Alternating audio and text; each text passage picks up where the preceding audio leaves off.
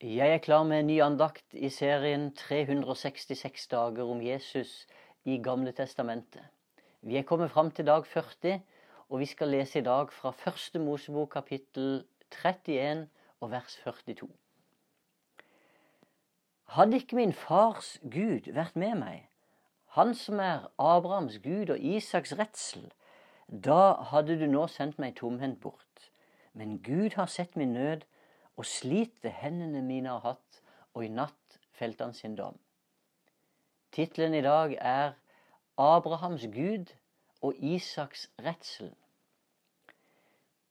Gud fremstår jo med mange navn og titler i Bibelen. Noen er jo litt mer koselige og trygge. Vi liker å snakke om Gud som Immanuel, som betyr Gud med oss. Eller Javera Far, som betyr Herren din lege.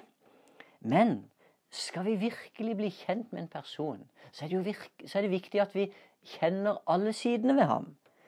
Sånn at vi kan kjenne og vite hvem han virkelig er. Jakob han hadde begynt å bli kjent med Gud. Han visste at han var Abrahams Gud, men han visste også at han var Isaks redsel. Gud er vår far, som elsker oss så høyt som det går an, Samtidig er han også den hellige og rene Gud som vi skal frykte.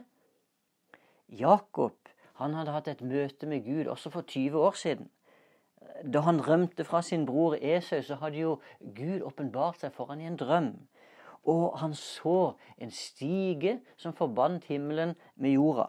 Og Guds engler de steg opp og ned på denne stien. Og så til slutt så ser han at Gud selv sto foran ham. Da Jakob våkna fra drømmen, så var han skjelvende og redd, og så utbrøt han. Hvor skremmende dette stedet er! Dette må være Guds hus. Her er himmelens port. Det var Isaks redsel som sto foran ham i egen person. Mange kan si i dag at de har møtt Gud. Det kan godt være. Men om ikke ikke de har ligget skjelvende og utstrakt framfor Han, ja, da har vi ikke møtt Gud på ordentlig. Det finnes ingen i Bibelen som møtte Gud uten at de også ble overmannet av redsel. Gud er annerledes enn et vanlig menneske. Når han åpenbarer seg i sin herlighet, ja, så vil det jo skape en slags frykt i oss. Det gjelder, det gjelder også når Jesus, når Jesus åpenbarer seg. Dersom vi hadde sett Jesus i hans herlighet, da hadde vi alle blitt fylt med frykt. Til og med Johannes, en av Jesu nærmeste venner som hadde vært sammen med han i tre og et halvt år, han ble også fylt med frykt. Han falt til jorden da Jesus møtte han der på øya Patmos. Det var et mektig syn, og han ble vettskremt. Jesu røst den beskrives som en basun med, som veldige vannmasser. Ja, han var lik en menneskesønn. Han var kledd i en fotsid kjortel og med et belte av gull om brystet. Og hodet og håret hans det var, det var som hvitt ull og som snø, og øynene var som flammende ild. Føttene var som bronse gleda i en ovn. Kan du se det for deg? Hvem tror at de kan møte en sånn person alene på en øy uten å bli litt skjelven. Av og til så forkynnes det sånn at Gud som Fader, han er liksom den strenge som dømmer verden, mens, mens sønnen Jesus er den milde som tilgir og viser nåde. Det kunne jo ikke vært sagt mer feil. For det er ingen forskjell på Faderens og Sønnens natur. Begge er like mye Gud, og begge er like milde og strenge. Da Johannes fikk se Jesus i sin herlighet, så åpenbarte han seg faktisk som både løven og lammet. Han er både den som kan gi en fred som overgår all forstand, og han er den som kan brøle så høyt at hele jorda skjelver. Vi snakker ikke om to forskjellige personer. Den samme personen er både løven og lammet. Derfor er det interessant å legge merke til at, at når dommen kommer over jorda, så frykter faktisk ikke menneskene for løvens vrede, men de frykter for lammets vrede. For det er samme person.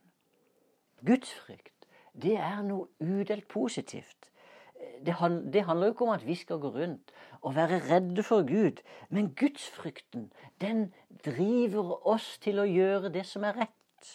Når nivået av gudsfrykt er høyt i livene våre, ja, da er det vanskelig å synde.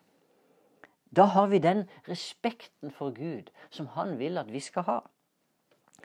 Ingen er så streng som Gud, og ingen er så mild som han. Gud er så streng at én en eneste synd kan føre et menneske i helvete.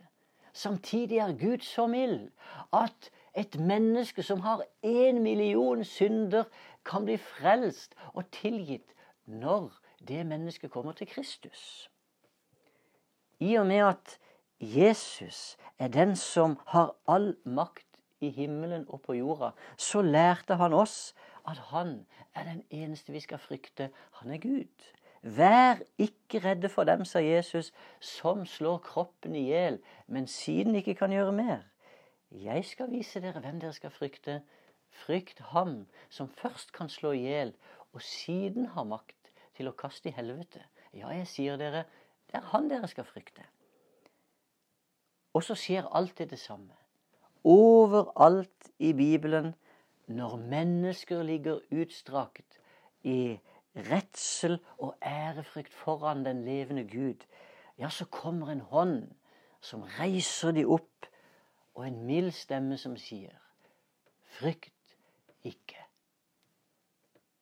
Jesus, vi takker deg for at du viser oss alle sider ved den levende Gud. Og vi ber om det, Jesus. Både de sidene som vi liker, de sidene som er milde, men vi vil også se den strenge siden. Vi vil også se den hellige siden ved den levende Gud. Og jeg ber, Herre, om at gudsfrykten virkelig skal ta tak i oss, og vi skal ha den ærefrykten og respekten for deg som du ønsker, sånn at det skal være vanskelig for oss å synde. At vi skal leve et liv i hellighet, i kjennskap til hvem den levende Gud virkelig er. Styrk oss denne dagen, Jesus, så vi skal leve et kraftfullt liv i din nærhet. Amen.